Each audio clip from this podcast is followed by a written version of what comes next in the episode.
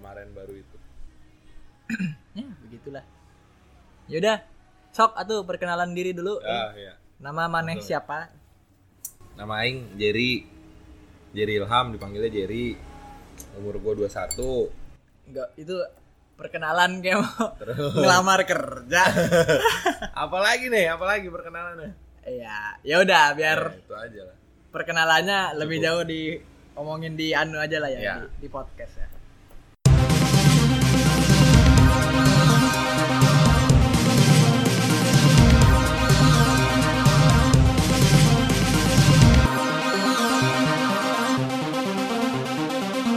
jadi eh, jangan di mute dong kalau dipencet ntar kagak kedengeran Oh, gak iya. kerekam sorry kita nggak tahu lanjut lanjut Ya, jadi eh, Jerry ini temen gua, temen temen apa jatuhnya ya? Temen nongkrong lah ya. Teman nongkrong Gua lulus SMA, nah dia masuk SMA gitu, Hmm. SMA-nya sama, Nah, tapi tongkrongannya sama gitu. Dulu nongkrong di warteg tuh. hmm. Nah, Jerry ini dia punya kafe, yeah. kafe. Nama nama kafenya apa? di Grati House Di Grati House. Cuman lu dulu sebelumnya ada kan? ada Iya, apa namanya? garasi kopi Itu sekarang masih lu yang megang apa masih gimana? masih masih termasuk gue juga Tapi lu cuman gua sekarang lagi lebih fokus di di Grati dulu karena masih butuh apa ya masih butuh di di bopong lah karena baru jadi banget kan oh baru baru berapa lama?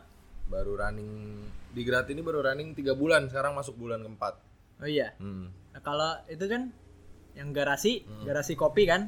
Itu kan lu sama temen-temen lu ya. Berberapa? ownernya tuh berempat Berempat. Berempat. Nah, kalau di Grati ini lu sendiri apa apa gimana? kalau buat dibilang owner sebenarnya gue sendiri cuman gue di sini ngebangun ini ada beberapa partner Maksudnya? ya jadi partner gue nih ya bisa disebut owner juga di sini Oh iya. Mm, karena gue ngebangun dari awal ini bareng sama partner gue dua orang ini jadi totalnya gue bertiga Ya. bertiga Lah terus berarti yang di garasi itu Hmm. lu udah totally lepas tangan apa gimana? enggak kalau dibilang lepas tangan enggak gue masih ada job desk di sana terus juga karena kan di sana udah jalan setahun lebih jadi di situ kayak pembagian job desknya tuh udah udah jelas Ya. dan kerjaan gue tuh kerjaan yang nggak mengharuskan gue harus selalu ada di sana gitu Oh iya. iya Nah terus awal awal mulanya lu ketemu sama partner lu ini Mm-mm. gimana? Yang di Grati Yang di ini? sini. Ya. partner gue itu gue temuinnya di garasi sebenarnya awalnya Dia Jadi, customer garasi. uh, bukan dulu dia tuh kerja bareng gue di garasi Hmm. Oh, yang tadi itu Tadi ya? baru datang Iya. Si Rudi, Rudi. sebut saja Rudi Ya. nah dia tuh dan ini sih yang bikin gue tertarik jadi gue hampir sepemikiran sama dia tentang konsep Oh iya. Hmm, tentang konsep konsep itu termasuk ya peralatan segala macem lah itu gue hampir sepikiran sama sepemikiran sama dia dan kebetulan mimpi gue sama dia tuh sama Apa tuh? ya gue pengen punya kedai kopi yang di mana gue tuh bisa tinggal juga di situ Oh iya. Nah, jadi gue nggak punya nggak punya beban buat buat apa ya kasarannya controlling kedai gue karena gue pun tinggal di situ tidur bisa di situ Oh. Oh lu berarti sering nginep di sini dong? sering sering banget Ayo nih Rudi nih Nah Ya. kalau berarti kan bertiga, Nah. lu Rudi sama satu lagi, nah yang satunya lagi itu lebih ke financial aja gitu. Apa enggak Yang- juga? Enggak, yang satu lagi sebenarnya lebih ke arah awalnya ya, awalnya eh nggak tahu kenapa sih sebenarnya dia tuh oleh customer garasi, Hmm, Customer. customer. Cuman gue sering nemenin ngobrol dan gue nggak tahu gue paling bisa kepicut tuh sama orang yang attitude-nya baik. Dan Oh iya? menurut gue dia ya attitude-nya bagus banget lah gitu kan. Dan Such awalnya as? apa? Kayak apa? Kayak ya apa ya? Cara Makasih, maaf gitu. Iya mesen Oh, kalau iya. ngobrol tuh nggak yang jeplak asal jeplak Oh. gitu kan. Nah, itu gua nggak tahu gua apa serak aja gitu kan sampai akhirnya gua ajak ke project ini. Di di mata lu gua gak ada attitude-nya dong. Ya Allahu Akbar. Mas Ngomong ceplak eh ceplas-ceplas we yang lirik we. nggak gitu. Kan beda maksud gua kan dia maksudnya gua tuh awalnya nggak kenal deket sama dia. Nah, Jadi kayak gue bisa ada ikatan emosional lah sebut Ah. saja. Tuh gue juga nggak ngerti kenapa makanya gue tertarik buat kayaknya lu asik deh ikut sama gue gabung gue bilang gitu kan. Ya udah. Oh, itu lu yang ngajak. gue yang ngajak. Ah. Dan memang awalnya dia gue tarik sini buat megang bar gue. Tuh satu SMA juga sama lu. Mm-mm, cuman dia jauh di bawah gue dua dua tahun. Iya dua tahun. Gua. Dua tahun nggak jauh, Pak. Iya dua tahun. Maksudnya gue udah lulus dia baru baru Ah. kelihatan lah Iya, mukanya iya, gitu iya. kan. Iya gitu. Nah, kalau tadi kan Hmm. eh, Rudi. Ya, Rudi itu kan pegawai lu di garasi Awalnya ya. awalnya. Nah, lu kan yang ngajarin dia kan Iya. cara kopi, cara ya ibaratnya cara kerja di kafe gitu Iya. kan, ngurusin kopi perkopian. Ya, yang ngajarin lu siapa? gue sih kalau dibilang ngajarin nggak nggak ada satu orang sosok satu individu yang ngajarin gue bener gitu nggak ada sih sebenarnya gue lebih ke eh, apa ya lebih ke learning by doing aja Oh iya? nah jadi gue tuh yang nggak tahu kenapa ya dulu gue tuh hobi banget muter-muter lah keliling kedai kopi kenalan sama ownernya kenalan sama head barnya segala SKSD aja gitu. SKSD aja. Nah, ngobrol ngobrol ngobrol sampai akhirnya ya pertanyaan-pertanyaan yang ada di kepala gue tuh biasanya gue tumpahin ke owner-owner coffee shop itu owner kedai kopi yang gue kenal. Jadi nggak kayak lu guru gue buat ngajarin gue gini. Nggak nggak nggak segitunya sih. Biasa aja biasa jalanin aja. Dari muter-muter gitu. dari muter-muter sampai ke sini, ke sini, ke sini. Ah, walaupun ada ada sih beberapa yang sampai sekarang jadi kasarannya jadi jadi tempat gue konsultasi ketika gue buntu lah ada beberapa orang cuman ya gue juga nggak menganggap dia sebagai guru yang bener-bener guru gue banget gitu enggak sih kayak ada satu orang yang kayaknya nih orang kalau gue tanyain masalah keuangan dia jago Oh. Eh, ada satu orang yang gue masalahin ma- pertanyaan masalah kopi dia jago nah kayak Oh, gitu ya, tergantung bidangnya aja lah Ah, gitu. tergantung case nya juga apaan yang mau gue tanyain Nah, itu kenapa kenapa kopi? Mm-mm. Kenapa enggak Thai tea? kedai ah, Kenapa enggak nih. cappuccino cincau gitu? Nah, ya, kenapa iya. kopi? kenapa gue akhirnya bawa kopi gitu Ya. gimana ya Lu enggak takut ini kah? Apa? Maksudnya kan ini lagi in banget nih coffee shop si tuh. coffee Iya. shop ini kan jatuhnya udah udah menyaingi Indomaret lah 100 meter tuh satu malah dari Sumarekon sampai rumah gua itu gua hitung-hitung minim ada 4 coffee shop weh. Iya. itu sepanjang Agus Salim sekarang udah 12 ah iya anjing banyak banget dari Selasin iya. Nah, lu gak takut saingan gak gitu? nah sebenarnya kalau takut saingan ya takut takut Ya, sih takut nah. cuman gue nggak tahu ya gue dari awal diperkenalkan tentang industri kopi tuh ketertarikan gue tinggi aja karena apa yang biasa gue minum tuh nggak sekompleks apa namanya kenyataannya gitu kan. Jadi gue pengen mendalami awalnya. Hmm. konsep gue tuh pengen mendalami aja awalnya tentang kopi tuh kenapa sih ribet banget gitu kan. Padahal ya kopi ya kopi gue pikirnya gitu kan. Sampai akhirnya gue berpikiran bahwa eh, gue nih terjun ke dalam kopi terus gue mendalami tentang kopi terus langkah selanjutnya apa gitu kan gue Oh, bingung ya, Ah, ya. gue udah mulai terjun gue udah mulai tahu dan apa nih gue harus ngapain lagi gitu kan Ya. sampai akhirnya garasi pun awal terbentuknya tuh karena ke karena ambisi gue ambisi Ya, gue ya, yang ya. gue pengen Berarti "Udah, lu yang aja ngajakin dulu." temen-temen tuh, Mm-mm. "Ayo kita bikin kedai, yuk." Mm-mm.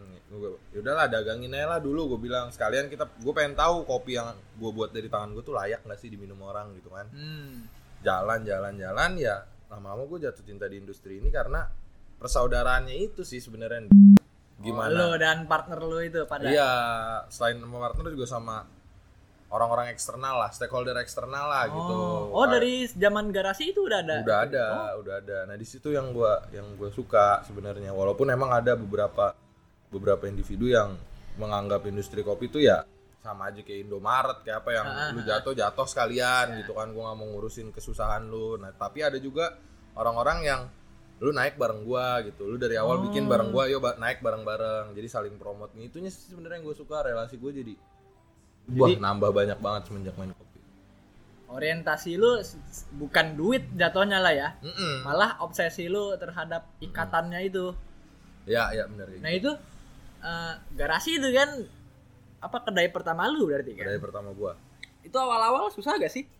Maksudnya kayak pusing gak sih anjir kok datang dikit kok nggak Ah. laku gitu. ah Kayak gitu gak sih? Iyalah, jelas, jelas. Sebenarnya kalau dibilang yang datang dikit, alhamdulillah enggak. Cuman Oh. yang datang teman mulu. Oh ya. Nah, itu yang gue ya. jadi pertanyaan tuh. Jadi kayak ini mah datang karena kesian aja. Ah, Ah, itu ah. lebih kayak gue gue ngeduitin temen gak sih nih ya Ah. kan karena gue temen gue yang datang ke sini jajan segala macam kan gue kayak ngeduitin temen jatuhnya kan nah itu akhirnya gue dituntut baru terjun dan mendalami bidang bisnis dari situ Hmm. jadi awalnya gue buka kopi itu gue nggak langsung belajar kayak ngitung HPP tuh segini terus lu harus jual harga segini ini gue nggak ngitung pokoknya selama itu di atas modal gue ya gue dagangin Iya. gitu kan cuman pas sudah mulai yang gue ngerasa temen mulai yang datang ya kan segerombolan temen jadi kayak tongkrongan gue bilang kan. Nah di situ baru gue dituntut buat ini yang gue bikin tuh apa? Terus strategi yang tepat buat gue kembangin bisnis ini tuh apa? Nah barulah gue mulai terjun ke dalam bisnis. Kasarnya baru mulai buka buku bisnis lah. Hmm. jadi gue buka buku bisnis bukan sebelum gue bikin bisnis malah sesudah gue bikin bisnis begitu iya, pantas lu tadi learning by doing gitu. Hmm. Pelan-pelan yang penting buka aja dulu Penting gitu buka kan. aja dulu waktu itu tuh yang ada di pikiran gue tuh itu Justru gitu kalau misalnya lu lu nggak mulai buka kedai kopinya lu nggak akan tahu mungkin dong. gue nggak akan tahu Ah. nggak akan nggak akan mau tahu lah maksudnya tentang bisnis tuh kayak gimana pahit manisnya kayak gimana tuh mungkin gue nggak bakalan mau tahu kalau gue waktu itu nggak beraniin buka kedai kopi secara gambling gitu ah. ah, kayak gitu Nah itu sampai sekarang masih suka keliling kedai gitu kan? masih Masih sampai sekarang. ya? masih terus Menjaga- Kayak gue kan di sini kan ada jat- jat- jatah libur tiga hari Hmm. sama anak-anak itu pasti gue pakai keliling ngopi sih ujung-ujungnya kopi lagi kopi lagi gitu Lu nggak takut bisnis kopi itu bisnis musiman gak? awalnya takut Oh iya. awalnya takut Cum- apalagi pas gue masih di garasi ya itu gue takut banget kayak ya udahlah nanti udah mulai pada bosan sama kopi redup gitu kopi kan Kayak kayak ini kan tahu bulat nah awal-awal itu. beken Nah, mah rame ah, banget. ah. Sekarang udah susah udah betul nyarinya. banget ya nah itu awalnya gue takut banget kayak gitu cuman ya balik lagi gue bilang sama komunitas-komunitas yang gue bilangnya sebutannya ya orang-orang yang positif lah Mm-mm.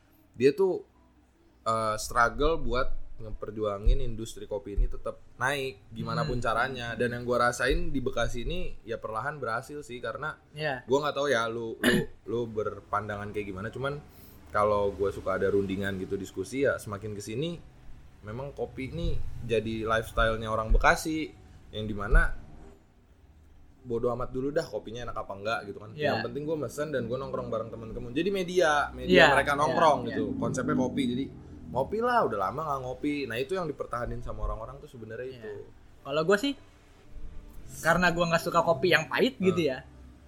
Jadi pasti gue pesen kopi yang dingin-dingin gitu karena Bekasi kan panas. Dan dingin menurut gua rasanya juga sama aja gitu. Nah, Paling yang kagak enak tuh americano anjing.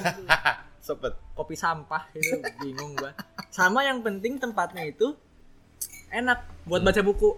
no Jadi nggak begitu sempit, terus juga nggak nggak terlalu rame gitu. Itu enak sih menurut gua sih Hmm. kayak begitu. Ini perpustakaan ada nih. Hmm. Buku-buku apa tuh? itu masih masih belum belum gua ini sih belum gua kotak-kotakin buku-bukunya masih nyampur sebenarnya Oh, masih iya. nyampur masih Cuman ya. maksudnya emang buku lu segitu dua rak gitu apa? Ah, apa banyak gua- lagi? buku gua ada buku teman gua juga ada cuman yang di rumah gue sisanya ya buku-buku agamis jadi gua Oh. kayaknya belum belum belum waktunya deh gua masukin sini Oh, punya filosofi kah? Kafe Oh. lu ini di Gerati. di grati ya Ya. berarti bukan yang garasi Ya garasi dulu deh, garasi, kan yang dulu. pertama. Hmm. Kalau garasi nggak dibilang filosofi sih sebenarnya lebih ke cerita kalau garasi kenapa namanya garasi ya cuman karena se hal sekecil itu karena gua dulu merintis semuanya di garasi Ah. gua ngulik kopi gua di garasi gua eh, belajar tentang kopi yang yang kasarnya ngunyah-ngunyah kopi apa segala macam itu di garasi tempat gua dagang awal teman-teman gue semua pertama nyobain kopi gue di garasi gua tes market gue di garasi jadi ya udahlah garasi aja gue bilang gitu. Akhirnya kayak gitu. Nah, itu dari jualan di garasi namanya udah garasi kopi. iya Ah. dari awal gue mau buka Iya, di iya, garasi garasi kopi aja ada langsung. Kalau bukanya di kebun ya kebun. kebun kopi. Benar. Nah, gitu. nah, terus kalau di di Gerati, grati kalau di grati sebenarnya apa namanya ada artinya kan? Di grati itu bahasa Inggris. Oh iya, ya ah, gue baru denger malah. bahasa Inggris yang yang apa ya kayak jarang dipakai gitu Nah, artinya itu uh, sekumpulan orang-orang expert Seku- sekumpulan orang-orang yang expert di bidang teknologi IT informasi lah kayak gitulah awalnya itu uh, arti konkretnya cuman pas gua baca-baca dan gue browsing-browsing lagi banyak yang mengartikan di Grati itu sebagai digital literasi Oh, Mm-mm. digital literasi. Mm-mm. Mantap. Di Grati itu sebenarnya itu. Jadi kalau dibilang filosofinya ya, gue pengen ngemas eh, literasi ini eh, apa namanya secara millennials tau gak sih gimana ya bahasanya gue ngedukasi orang ya nggak selamanya tentang kopi juga apa pun itu pokoknya yang berbau edukasi yang berbau positif ngobrol sama customer medianya di Digrati ini cuman fokus gue sebenarnya fokus utama gue sebenarnya di sini ya pengen bikin jadi rumah bu rumah baca Mantap. pengennya Sebagai salah satu pecinta buku saya Hmm. setuju. Tapi Mm-mm. kalau disuruh nyumbang buku kayaknya nggak mau. Ntar aja, gue juga jujur ya, gue belum berani karena gue nggak tahu di Bekasi tuh antusiasme orang-orang tentang buku kayak gimana tuh gue belum tahu. Makanya gue udah mulai, "Ah, lu tau riung buku gak? Enggak. Ada dia tiap malam minggu di alun-alun. Alun-alun Bekasi, Ah, riung buku. riung buku. Nah dia tuh eh, salah satu foundernya itu temennya temen gue. Founder, bukan salah satu founder, foundernya. Heeh. Nah apa namanya, gue baru mulai ngontek dia buat mau ngadain eh, ya bedah buku bedah buku ecek-ecek tentang buku-buku yang menarik anak-anak milenial dulu aja. Ah. Seenggaknya ada ketertarikan dia buat oh ini ada kayak ginian ternyata di Bekasi gitu dan Iya. gue pengen mulai ngefilter market gua gitu kasarannya lu pengen nyari yang tenang nyari yang baca buku segala macem lu bisa main ke sini gitu lah kasarannya kayak gitu Jadi lu pengen idealis tapi ngelihat pasar. iya Oke. Nah, Berarti idealisnya nggak idealis, Nggak idealis idealis amat. amat, karena nanti gue bakalan nyesuaiin pasar juga. Iya, gitu. iya, kalau enggak makan apa ya? Makan apa gua? Iya iya iya. Gitu. Berarti filosofinya tuh bukan PSK weh. PSK apa tuh? Pantai senja kopi. Iya kan kalau ada kopi, wih anjing ada Ya, rata-rata sih gitu, ya. rata-rata sih gitu. Pakai tote bag, Hmm. celana ngatung, Uh-uh. baju masukin. GSPR-nya coklat jelas terpampang ya kan. Iya.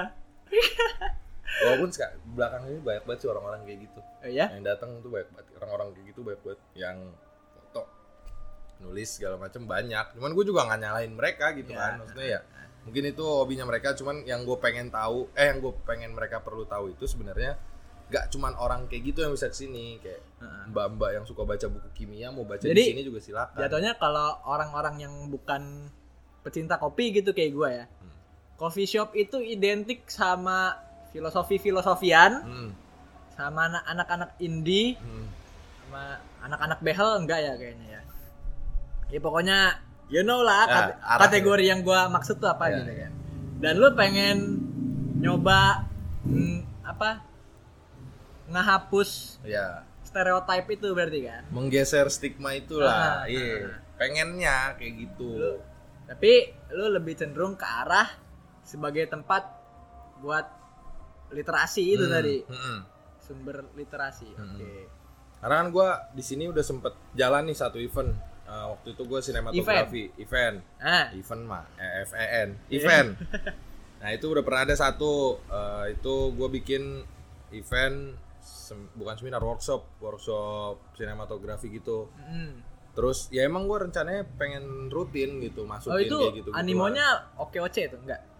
belum dibilang oke sih belum Ah. cuman yang gue rasain malah setelah eventnya selesai kayak orang-orang baru pada adain lagi ke adain lagi ke dadakan banget ngadainnya baru pada kayak gitu jadi buat di gue jadi bikin tiga jilid setiap tema kayak pertama sinematogra- sinematografi terus ntar gue bikin tentang apa namanya eh, bedah buku terus gue bikin juga tentang pokoknya gue banyak lah rencana-rencana nah itu rata-rata tiga jilid trilogi Oh. Nah, kayak Spider-Man kan tiga, Iron Man tiga. Workshop, Hmm. bedah buku, Hmm. sama workshop ini banyak, nggak sinematografi doang. Ah. Workshop, bedah buku, terus kemarin tuh yang sempat ada di pikiran gua tuh ngaji. bukan Anjing, ide yang out of the box kan.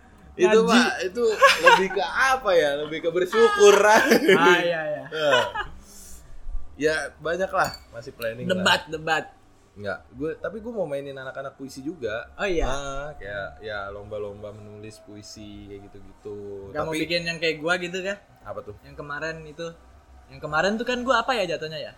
Kayak kayak talk show gitu loh ngebahas satu satu tema. Oh bisa. Kalau Kemarin sih gue sempat ada talk show cuman masih, aduh benar-benar masih permukaan banget. Gue belum berani sedalam itu. Maksudnya? talk show gue tuh masih yang gampang banget dimengerti orang kemarin tuh gue talk show tentang eh, perfilman industri perfilman talk show itu karena gue ngundang aktris kan waktu itu Ah. nah dia tuh ya kayak ngajarin sharing lah talk show sharing tentang gimana cara strategi dia bisa masuk ke dunia perfilman Lu lu lu kan tadi sebelumnya pernah bilang tuh kan. Hmm. Nah, lu dengerin podcast gua dan menurut lu tuh isinya dark agak dark nah itu lu bilang gitu Hmm. kan. Padahal menurut gua kayak enggak semuanya dark man kayak menurut gua tuh yang jatuhnya dark tuh yang begitu gua ngebahas ateisme Hah. udah gitu. Sisanya kalau yang gua ngomongin masalah moral, undang-undang penistaan agama gitu kayak menurut gua kayak itu sosial aja men. Hmm. dan temen-temen gua pun beberapa gitu juga ya pada bilang bahasanya berat. Lu ngomong ini artinya apa? Jadi kayak ada beberapa diksi yang temen-temen gua gak ngerti paham. gitu kan. Tapi sebetulnya di balik semua itu gua ada tujuan gitu. Ada ada maksud kenapa gua ngebahas hal-hal yang lu, lu bilang dark itu tadi karena gue masih yakin gue masih percaya kontroversi bisa mendatangkan berkah men bener. Makanya kalau misalnya ber- oke Iya, kalau misalnya lu pengen ngadain kayak talk show tadi, talk show lu masalah perfilman, itu bukan kontroversi. Hmm. Omongin aja soal Tuhan. kontroversi habis Iya, pasti ramai anjing. Iya. Mencari Tuhan, anjing. Yakin Boleh, gua. boleh, boleh, boleh. Sebenarnya enggak salah juga sih gue pakai diksi dark buat tentang podcast podcast lu ya. Cuman Ah, ah, ah. kalau gue lihat buat zaman sekarang ya, menurut gue ya, gue bisa sebut dark. Yang nggak dark sekarang pun kayak dibilang dark gitu nggak sih? Maksudnya yang kayak lu bilang tadi, sebenarnya ini masalah sosial, Iya. social life gitu kan. Cuman semakin ke sini semakin sebegitu bebasnya orang berpendapat, akhirnya hal-hal yang sosial kayak gini jadi jadi terkesan dark kalau menurut gue ya. Hmm. Lu bah- bahas tentang UU penistaan. Sebenarnya itu kan hal yang wajar ya kayak Iya. lu diskusi aja gitu, ngobrol Ah, biasa ah, kan ah. tentang UU penistaan itu. Cuman semakin ke sini dengan munculnya orang-orang baru, bukan orang-orang baru, orang-orang yang yang yang bisa dikatakan belum selesai baca buku sampai selesai tapi udah serasa orang yang paling paham itu buku. Mm-mm. Jadi kesannya tuh kontroversi tuh dark aja gitu. Itu Ah, kalau yang gue pandang ya, sekarang ya, ya, yang ya, gue ya. pandang sekarang tuh kayak gitu. Makanya kayak penggunaan diksi tuh diksi tuh harus di Ya, dijaga banget Iya. gitu kan. diksi. Menurut gue juga diksi itu penting sih. Hmm. Maksudnya kayak kalau misalnya lu nggak pinter-pinter milih kata yang tepat, Iya, miskonsepsinya Iya. luas tuh jadinya. iya benar. Jadi Sepakat, sepakat. lebar ke mana-mana. Hmm. Sepakat, sepakat. makanya kadang-kadang juga gue kalau lagi diajak ngobrol gitu tuh suka tersesat sendiri anjir di kepala Hmm. kayak ini gue ngomong kayaknya udah ke mana-mana Nah, tadi poin gue tuh apa ya gue tuh pengen ngomong ini tapi gimana ya cara ngutarainnya Ah. kayak gitu eh suka bingung sendiri anjing muter-muter pakai kata Ah, ah, apa nih ah, yang ah, masuk ah. ya kan? ya Iya, Nah, itu- gitu. itu suka ada nih seinget Hmm. Kopi tempat kopi itu kan disebutnya kafe kan Ya. jadi dulu tuh di Perancis ada satu tempat tempat kopi tempat kongko-kongko gitu yang suka di satu apa dijadiin tempat nongkrong sama satu grup yang namanya tuh kafe Hmm. si kafe kelompok kafe ini itu setiap kali nongkrong di tempat kopi itu itu ngomongin persoalan politik. Jadi Identik. asbabun nuzulnya kafe itu identik dengan obrolan warung kopi Ya. ngomongin politik pokoknya hal-hal yang bisa dibilang cukup subtil lah Nah, nah. nah, itu suka ada gak sih di Sini. tempat kopi lu di di Grati atau di garasi gitu At- Hmm. ya at least bocah-bocah kacangan lah gitu Nah, yang sok-sok ngomong Nah. cebong kampret Nah, nah, nah, nah. ada nggak yang kayak gitu Ada. oh iya Ada, ada. sering nggak Itu itu yang gua suka sebenarnya ya. Nah. Ada, cuman belum belum sesering sesering pandangan lu mungkin. Jadi nggak yang sesering pandangan lu kan mungkin datang ber satu grup pesan ngobrol gitu kan diskusi nggak Ya. nggak yang kayak gitu lebih ke apa ya selipan selipan aja gitu Hmm. dan kadang memang harus di trigger dulu oh iya Hmm, itu itu yang gue rasain. Terutama kan gue lama di garasi ya. Sering gue ngerasa kayak gitu ketika ada isu yang lagi hype nih kayak waktu itu apa ya? Aduh lupa. Pokoknya ya masalah si cebong-cebong itulah Cebong kampret Ah, itu. zaman-zaman itulah.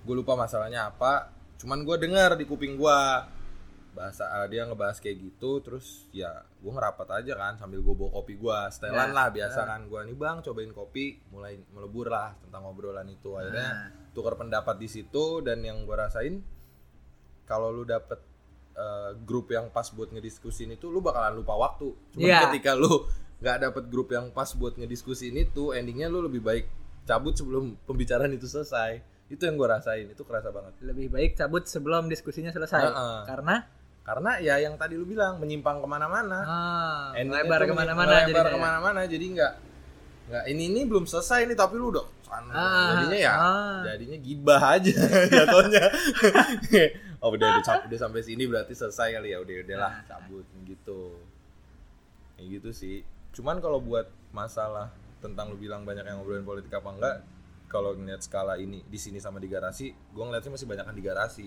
oh iya daripada di sini. Heeh, walaupun ketika gue nemuin yang di sini ya gue nemuin grup-grup yang pas selalu. Belum pernah gue nemuin grup-grup yang kacang lu bilang tadi itu oh hampir nggak pernah sih di sini. Nggak pernah lah malah kalau gue emang ngelebur tentang ngomongin kayak begituan pasti grupnya pas karena memang market gue di sini tuh lebih ke orang-orang jarang gitu anak-anak SMA gitu tuh jarang.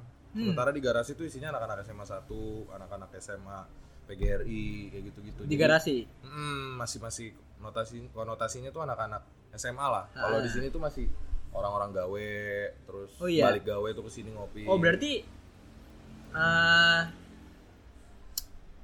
apa ya Apa tuh? tingkat pengunjung lo Mm, customer lo yang teman-teman sedikit ya kalau di Gerati ya Wah, dikit banget. dikit banget ya Dikit banget. lebih sering orang lain justru ya Lebih sering orang malah gua kayak nggak disupport sama teman-teman sendiri gitu. udah, isinya gua nggak kenal dan bersyukur sih gua dari awal gua udah bisa datengin orang-orang yang gua nggak tahu ke sini Hmm, gitu. hmm. itu itu yang gua yang gua appreciate itu sih tapi gua nggak tahu ya gua baca buku di kafe gitu kalau udah satu tempat udah aja gitu satu gitu sampai aja. akhirnya si buku itu tuh kelar Hmm. apalagi si gua gua tipe orang yang nggak bisa baca buku tuh cepet Hmm. apalagi nih buku yang sekarang lagi gua baca tuh ya buku gay science Hmm. itu tuh ada kali dua bulanan gua nggak habis-habis Hmm. baca ya karena lu memaknai dulu gitu. Ah, ah. Nah mungkin, mungkin ya mungkin.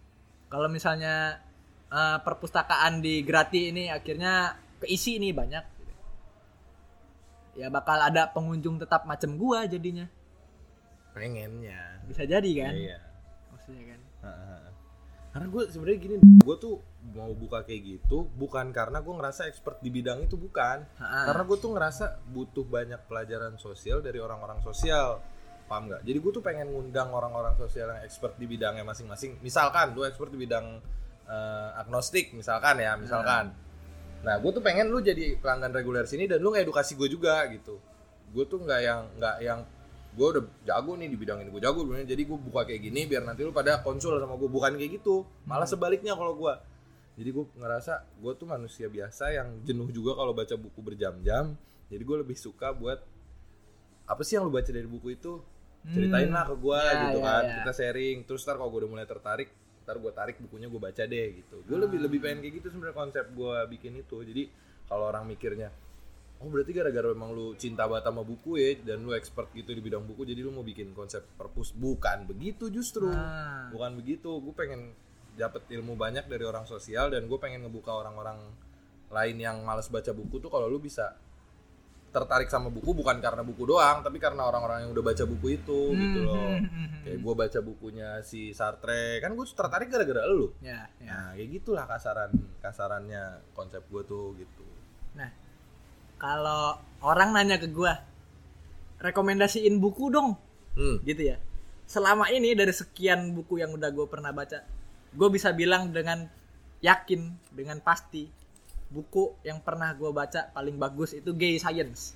yang sekarang lagi lu baca Yang sekarang udah tinggal dikit lagi, udah tinggal dikit lagi.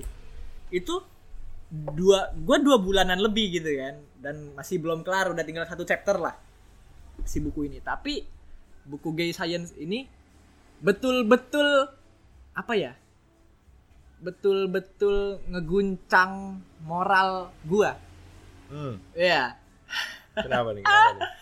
Ah, banyak banget sebetulnya jadi kayak bukunya itu kan gayanya kayak cerpen-cerpen gitu loh aforisma iya. aforisma Iya, iya, aforisma iya. gitu kan dan itu gaya bahasanya gaya penulisannya tuh metaforik banget Eh, metaforik gimana tuh? metaforik kayak diandai-andaikan terus gitu Oh, loh. iya, Gua iya. pengen ngomongin soal politik, tapi gua andaikan dengan analogi perahu misalnya. Jadi buat apa? Buat ngeresapin si bacaannya ini juga lama buat Hmm. gua jadi susah. Salah satunya yang gua yang baru banget deh ya gua ketemuin gitu ya. Ini gua nggak kita lihat reaksi lu bakal kayak apa gitu. Rasa kasihan Hmm. belas kasih itu tindakan paling kurang ajar. Hmm. Lu ngelakuin sesuatu atas dasar belas kasih, atas rasa kasihan, itu hal yang kurang ajar. Hmm. Kenapa? Karena secara nggak langsung lu mendangkalkan realita si orang itu. Hmm. Misal, Masuk masuk nih gua. misal lu ngeliat ada ondel-ondel Hmm. ondel-ondel lewat terus lu ngeliat wah ini masih bocah Iya. panas-panasan nyeker di dalam ondel-ondel gerah hidupnya susah ya udah nih gue kasih seribu atas dasar kasihan lu. Berarti kan lu ngasih duit ke dia atas dasar belas kasih dong. Hmm. kasihan. Itu lu udah kurang ajar udah mendangkalkan. Karena realitanya dia nggak semengenaskan itu. Aha. bisa jadi lu nggak tahu susunan kejadian dia di masa lalu tuh kayak apa-apa aja urutannya kayak apa-apa aja lu nggak tahu yang lu tahu hidup dia mengenaskan gue harus ngelakuin sesuatu buat dia Hmm. padahal nggak semengenaskan itu ada kebahagiaannya juga kok Nah. ada petualangannya juga yang dia laluin Aha. jadi nggak nggak 100% nelangsa hidupnya Wah, iya, iya. secara nggak langsung lu tuh udah mendangkalkan kehidupannya dia dengan seribu rupiah. iya iya Iya. nggak tahu ya buat gue sih kayak cukup masuk akal si Masuk kalimatnya akal. ini masuk akal gitu tapi kayak something wrong gitu jadi kalau misalnya kita nggak digerakkan oleh kasih. rasa kasih gitu rasa cinta rasa kasih emosi lah intinya ibaratnya kan berarti kalau nggak cuma belas kasih aja nih yang gue tangkep jadinya perasaan bahagia perasaan marah itu mendangkalkan realita jadinya kan Hmm. otomatis apa yang bisa menggerakkan lu selain emosi itu yang masih gue cari sekarang jadinya Hmm. apa yang itu. iya apa yang melandaskan lu melakukan sesuatu tanpa adanya perasaan tanpa melibatkan Hmm. perasaan weh Iya, apakah paham, gue harus jadi nihilis yang sangat nihilis sampai akhirnya gantung diri gitu Jangan. Gue masih butuh lu. Tapi bener-bener logikanya masuk. ya jadi sebetulnya Masuk akal. Banyak sih buku-buku bagus sih cuman buku yang nampar yang susah dicari Nah iya benar. tuh Benar itu tuh bagus. Ya. Buku banyak tapi yang nampar susah. buku bagus tuh banyak Iya, iya, benar. yang nampar ya susah cuman perlu satu buku untuk bikin lu jatuh cinta. Untuk matamu halaman 21. bangsat ya udah udah udah 40 menitan nih Ah, Eh, ini belum tahu ya IG-nya ya IG-nya garasi sama di Grati sebutin dah IG-nya promosi IG-nya garasi. ya lu jual diri lu jual kafe lu Gini, kalau IG, IG garasi itu garasi kopi underscore. Dia tuh ada di Jalan Kiai Agus Salim, nomor 9 Bekasi Timur. Posisinya ada di rooftop ruko di lantai 3. Nah, itu buat orang-orang yang mencari senja, orang-orang yang mencari langit oren ya, Ya. itulah dan kawan-kawannya itu cocok banget. Ya bagus sih pemandangannya sih lu Hmm. maksudnya horizonnya jauh gitu Hmm, karena ya di mana lagi lu di Bekasi nyari Iya, iya, iya. nyari rooftop kayak gitu dengan lu bisa beli kopi 18.000 doang gitu. Wey, itu di garasi anjay, murah, murah. Nah, terus kalau tahu ya kalau buat tukang ondel-ondel mahal mungkin. Weh, menanggalkan realita. Oh, enggak, enggak. Terus kalau di Grati, ya tadi gue banyak ngejelasin tentang di Grati. Intinya di Grati ini IG-nya itu di grati.house. Terus alamatnya ada di Perumnas 3 Jalan Pulau Kalimantan Raya nomor 18. kalau lu lihat dari depan mungkin nggak kayak kedai kopi kayak rumah biasa cuman kalau lu masuk ke dalam ya lu bisa menemukan diri lu di sini lah Ya iya anjay. karena lu bisa lihat lu di sini bakalan jadi orang yang mencari senja atau orang-orang yang emang pengen ketawa ketiwi aja bareng teman-teman lu gitu Ah. bebas lah di sini merdeka Tapi itu maksudnya dua-duanya tuh ada ada papan itunya kan yang kelihatan kalau dari Ada, pinggir ada. jalan tuh oh ini di ada ada oh ini ada, kan. pokoknya rumah yang paling terang lah kalau di Grati ini sepanjang jalan ini Hmm, paling kuning sendiri kuning. Ini putih. lampunya kuning semua Ah, iya sih. kuning semua Nah. Dan ini satu nih ya yang gue suka ya dari di Grati. Hah. Dari sekian coffee shop yang pernah gua anuin, gua datengin gitu. Dikit sih sebetulnya. cuman sekian lah Iya, disebut dari sekian ah, ah, dari semua coffee shop yang pernah gua datengin, di Grati ini satu-satunya yang go green. Wih. Coaster ya dia dari cork, sedotannya dari stainless atau atau bambu. Nah. Itu dia, gue suka itu. Bagus. ya itu terus sekarang lu baru lu belum tahu mungkin gue baru masuk ke Gojek kan Nah, nah di Gojek gue tuh udah mulai take away dengan paper cup full paper cup semua. Oh iya? nggak pakai gelas plastik anjing yang difoto di tangan. Ah. dia ada quotes quotes kopi dulu baru kamu nggak? Ah, nggak gue udah ngeliat itu sampah di laut tuh buset dah. Siapa tuh kopi dulu baru kamu? ada lah, jangan disebut namanya lah. Pokoknya udah mulai menggila kalau gue lihat kan kopi-kopi yang di packaging dengan gelas plastik dan cup sealer itu udah mulai Ah, menggila. Nah itu kenapa sih lu milih go green? Hmm. Sedangkan karena kan kalau misalnya lu tetap pakai plastik gitu, barang-barang yang enggak reusable, Mm, mm, itu kan costnya jauh ketekan, jauh Pak. jauh jauh, Iya. jauh. Hah. Ya itu kenapa tetap milih yang go green? awalnya Apa itu moral lu berbicara? awalnya itu gini gini gue main ke satu coffee shop Hah? itu coffee shop gede banget dan bagus banget itu gue lihat sepanjang mata gue memandang nggak ada gelas kaca satupun dan nggak ada sedotan yang reusable nggak ada sama sekali jadi di situ gue memperkirakan aja masih gambaran gue doang ini orang semalam bisa 100 sampai 500 gelas gitu kan Ah. dan itu gelas plastik semua Hmm. gua aja yang ngerasa gua di garasi sampah gua tuh cuman sampah susu karton terus Ya. sampah ah, packaging segala macem belum ada gelas plastik itu gua udah bingung buang sampahnya ke mana karena trash bag gua penuh di mana-mana Oh, gitu iya.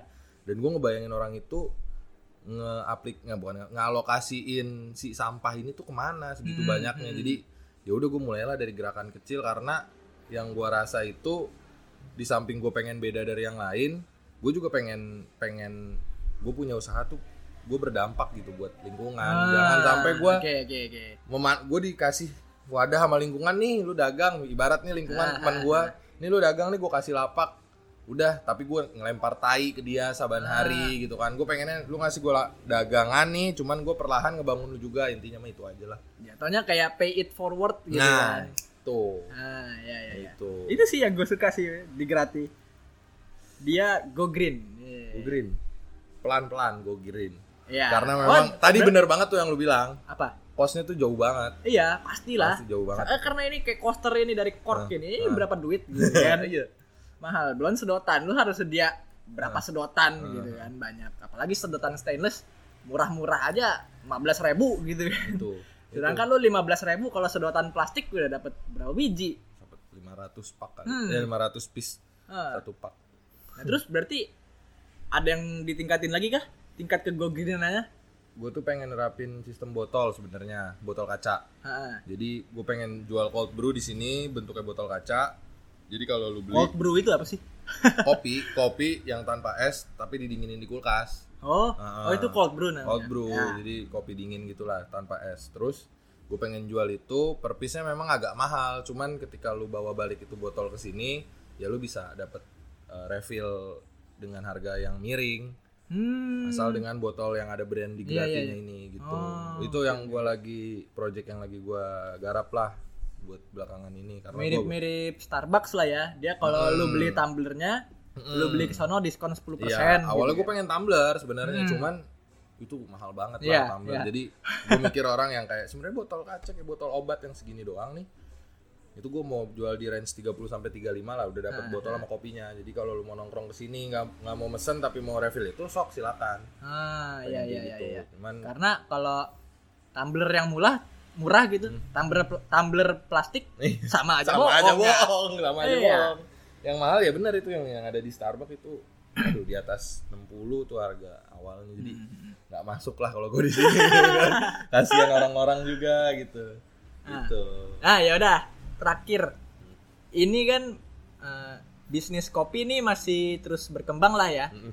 Dan eh, kiamatnya si bisnis kopi ini belum nampak lah, masih jauh lah bisa dibilang. Hmm. Otomatis masih bakal terus bermunculan nih ya bener. bisnis kopi baru. bener Pesan-pesan lu buat orang yang mau mulai bisnis kopi itu gimana? wis Sebagai lu lu kan lu kan pernah ngasih jadi pembicara juga kan di Iya, kampus kan iya. ngomongin soal bisnis kopi. Iya, nah, iya. ini Nah. min- gua minta kasih petuah-petuah yang sama tapi nggak dibayar. Oh, santuy intinya oh buat ini kebetulan banget tiga orang kawan gue baru mau buka juga Oh iya. Hmm, Nah. kedai kopi dan gue nanamin dia konsep yang sama kayak gue go green itulah kasarannya gitu Hmm. nah sebenarnya poinnya kalau menurut gue buat orang-orang yang mau baru terjun di industri kopi pertama eh, lu harus cari signature lu sendiri karena ya yang kayak tadi lu bilang ini udah per 100 meter ada gitu kan Ya. kedai kopi lu cari signature lu sendiri dan jangan pernah yang namanya ngelupain yang tadi gue bilang apa, Apa yang tuh? lu kasih apa yang apa yang lu dapet jangan sampai lu balikinnya dengan hal yang enggak wajar Kayak Hmm. tadi analogi gua lu dikasih lapak terus lu ngelempar ke orang yang ngasih lapak tuh tai nah Hmm. itu intinya kayak gitu gua nggak gua nanamin sih itu karena belakangan gua lihat semakin ke sini edukasi orang tentang kopi tentang apa namanya eh, dampak yang dibuat dari coffee shop coffee shop ini tuh minim banget jadi akhirnya mereka lebih bangga buat upload sesuatu yang yang yang, men- yang menarik yang estetik di mata tapi mereka nggak mikirin apa yang apa yang mereka upload tuh dampaknya apa ke lingkungan gitu intinya itu sih sebenarnya Emang yang negatif tuh yang lu lihat ya. Hmm? Itu apa sih? dari mana Ya dari yang lu lihat itu tadi kan feedbacknya negatif, ngasih tai gitu kan. Mm-mm. Tainya itu apa? Yang Ya. biasa lu lihat. itu Sampah plastik. Selain sampah plastik? itu yang udah parah banget selain sampah plastik yang gue lihat dari industri kopi ini yang paling parah ya Hmm? eh, masalah lu dagang kopi tapi lu nggak mau tahu tentang hulunya Hulunya. Heeh, hulu hulu hulu dari hulu ke hilir lu nggak mau belajar tapi tiba-tiba buka kedai kopi Oh, Intinya itu, lu- pengen cepet. ah itu itu penting menurut gua karena ya lu perlu tahu lah kopi yang lu giling kopi yang lu seduh kopi lu yang lu kasih ke orang-orang itu prosesnya kayak gimana gue pun baru belajar kemarin pas ke ke kebun kopi tuh Ya. nah. sebegitu beratnya ternyata jadi jangan sampai lu beli kopi murah terus lu ngejual mahal setinggi tingginya harga setinggi langit ya gua harap sih jangan kayak gitulah itu yang Hmm. ngerusak sebenarnya yang Ah. ngerusak industri karena kebun- Bukan ngerusak dia doang, tapi industri kopi yang lain juga kena. Ya. intinya kayak gitu gue case nya aja yang itu ya lu mematikan sumber yang bakalan lu Iya, iya, dagangin itu sendiri endingnya gitu loh jadi jangan kayak gitu Jadi emang betul-betul jangan jadi jack of all trade, master of none. gitu. nah itu duh jangan deh Nah itu lu, nah itu tuh di Puntang tuh ngapain aja sih? Lu? gue sih lebih ke ngelihat apa ya kualitas kopinya pertama dia Hmm. bikin kopi jenis apa terus eh, cara dia masarin tuh kopi gimana ya gitu-gitu aja sebenarnya interaksi sama orang hulu aja sih pengen Hmm. tahu proses capeknya dia tuh bikin kopi tuh gimana kayak dari dari puncak nih dia bawa 20 kilo sampai bawah tuh dia cuma jadi 2 kilo bopong 20 kilo Kok bisa gitu? Iya karena ke bawah tuh kan ada beberapa proses ya pro- proses pengupasan, proses perendaman dan segala Hmm. macamnya itu itu kan ke filter terus tuh saring saring saring saring pas udah jadi kopi yang bisa diseduh ya paling 2 kilo. Oh Nah, iya? Di situ yang gua hargain banget tuh di situ. Hmm. Udah mah naiknya nggak bisa naik motor. Di krisnya jauh betul ya? jauh, jauh banget. Hmm. Makanya sekali panen tuh bisa orang, iya mas saya panen 100 kilo misalkan. Tapi ya pas dijual paling 10 kilo. Kayak gitu. Gokil, gokil. Itu makanya yang gua waduh harus mulai menghargai banget nih. Iya, makanya lu kalau beli kopi ternyata nggak enak, ya hargain lah ya. Nih. Seenggaknya eh. 5 jam dihabisin dah gitu. Dia seseruput dikit-dikit.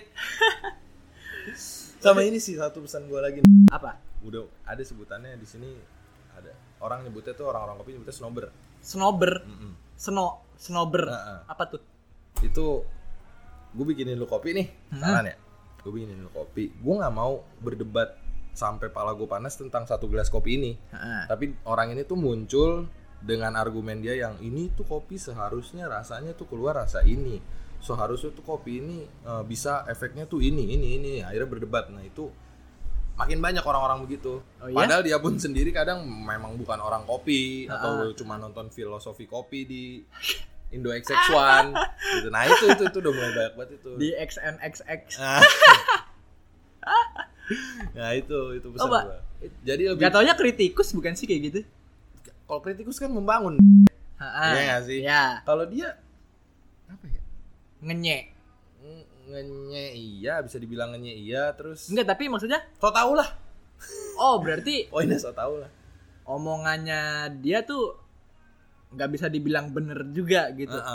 Rata-rata begitu karena yang gue sering alamin dia ngasih tahu tuh harusnya begini bla bla bla bla harusnya tuh nyeduhnya dengan suhu segini harusnya nyeduhnya dengan gilingan segini bla bla bla bla yang dibalik gua yang udah sering tahu tentang kopi ini tuh ya ketawa kecil aja dalam hati maksud gua nggak Goblok. nggak begitu cara mainnya gitu kalau emang resep lu itu ya sok lu pakai resep itu gue punya resep sendiri lidah Oh. orang beda-beda intinya gitu Oh. jadi lebih baik apa eh, lebih baik nggak usah sok tahu karena endingnya bumerang buat lu sendiri gitu Hmm. intinya gitu Banyak orang so tahu gitu jadinya sekarang gitu.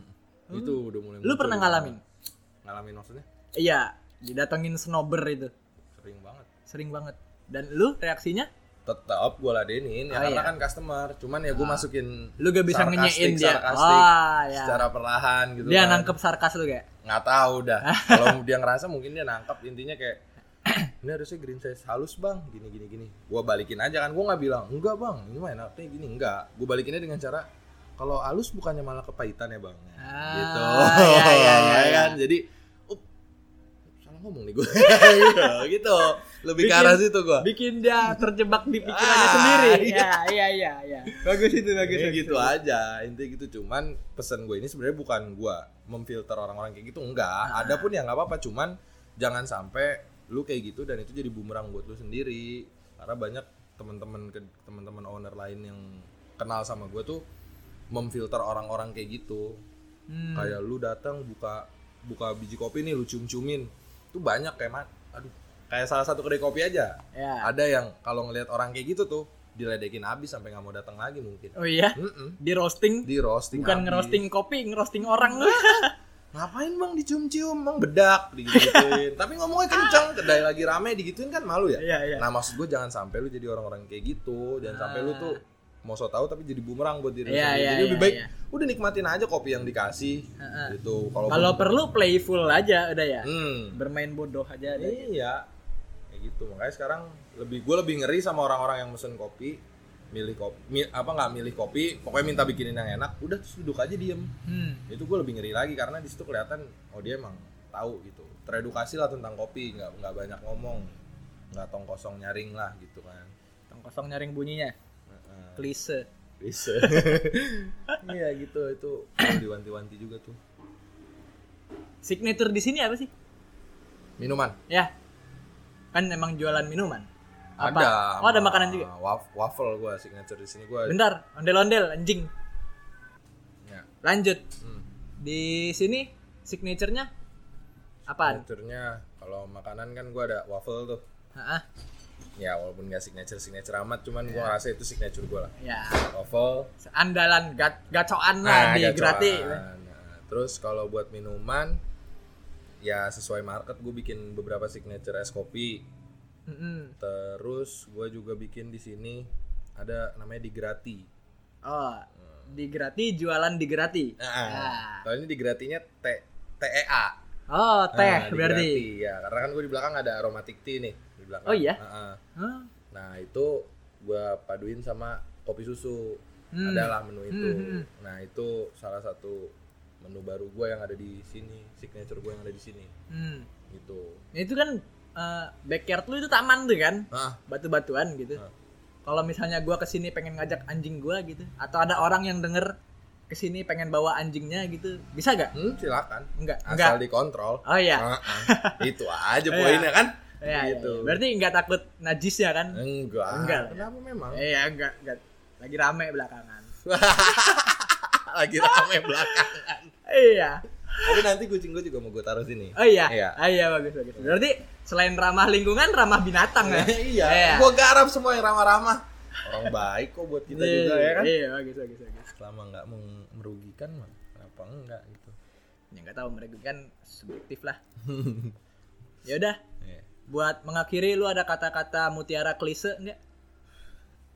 Nggak ada juga nggak apa-apa sih, nggak dipaksa kok. Yang prinsip yang masih gue pegang sampai Oke, ini. boleh.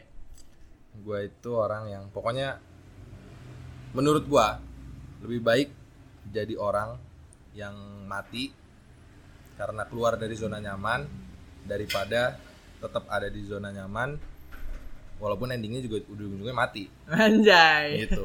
Jadi mendingan lu matinya pas lagi di luar zona nyaman. Iya, lu iya, dalam zona nyaman ujung-ujungnya mati. Kasarannya kalau lu dalemin satu hal jangan eh, cuman nyentuhin kaki ke air doang nyebur nyebur sekalian Ah. masalah mati atau lu berenang di tengah-tengah ya belakangan lah Iya, iya. intinya gitu jangan nanggung-nanggung lah Lebih baik mati di medan perang daripada mati sekedar ngomongin ide perdamaian. Nah. Mantap, jiwa.